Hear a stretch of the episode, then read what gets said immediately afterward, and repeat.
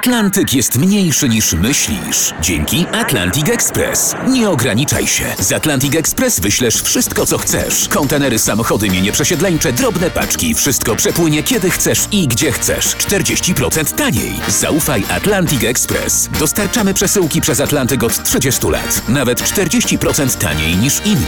Dzwoń 1 800 775 73 63. Ekspresowo przez Atlantyk. Tylko z Atlantic Express. Jasna strona świata prezentuje Marek Tomalik. Wracamy do lektury pióra Elżbiety Dzikowskiej, wyprawy, która przybliżyła światu Wilkabambę, ostatnią stolicę Inków. Dziś mija równe 100 lat od chwili narodzin chyba najbardziej znanego podróżnika z korzeniami z Nadwisły. Elżbieta pisze – kiedy następnego ranka wyruszyliśmy znowu na rekonesans, natrafiliśmy najpierw na magazyny, oczywiście puste, w ruinie. Musiały zaopatrywać 400 ponoć stołecznych rezydencji. Potrzebna też była woda i oto natrafiliśmy na kamienie ujęcia wodociągów. Tony oczywiście cały czas filmował, potrzebny był efekt.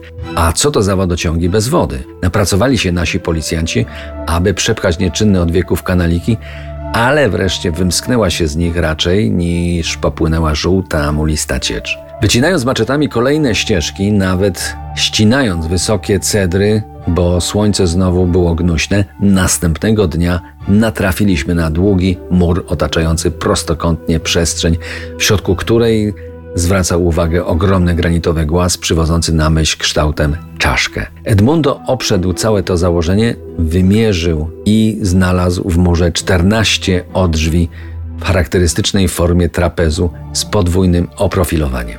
To mogła być świątynia słońca, zadecydował. Potwierdza to także obecność kamienia, symbolu wieczności początku wszechrzeczy. Tak uważali Inkowie i dlatego czcili takie głazy. Ogarnia nas wzruszenie, a do tego profesor sugeruje, żeby nadać ruinom świątyni nazwę Polonia, żeby uczcić udział Polaków w ekspedycji. Nie, to nie wypada, to zbyt ważny zabytek, certujemy się. Może odkryjemy coś mniej sakralnego. Chciałoby się jeszcze pokopać, wydobyć z ziemi może jakieś fantastyczne ślady inkaskiej tu przeszłości, ale profesor nie pozwala, to sprawa dla archeologów. Więc tylko robimy pomiary, filmujemy, fotografujemy. Za datę potwierdzenia, że Espiritu Pampa to na pewno Wilka Bamba, przyjmujemy 22 lipca. Wtedy wciągamy na najwyższe drzewo przed pałacem flagi peruwiańską i polską, odśpiewujemy hymny obu krajów. Radość miesza się ze wzruszeniem. Zdajemy sobie sprawę, że była to pierwsza peruwiańska ekspedycja do Wilkabamby i że byliśmy pierwszymi Polakami, którzy tu dotarli. Tyle lektura, którą dziś przytaczam z książki, która powstała dzięki mojemu pomysłowi. Pojechane podróże 2. Taki nosi tytuł ta książka. Mam dla Was pięć egzemplarzy. Proszę napiszcie na adres redakcja małpka rmfclassic pisane razem.pl jak zapamiętaliście Toniego Halika. Dlaczego Waszym zdaniem był ważny dla polskich podróży? To jest jasna strona świata w RMF Classic.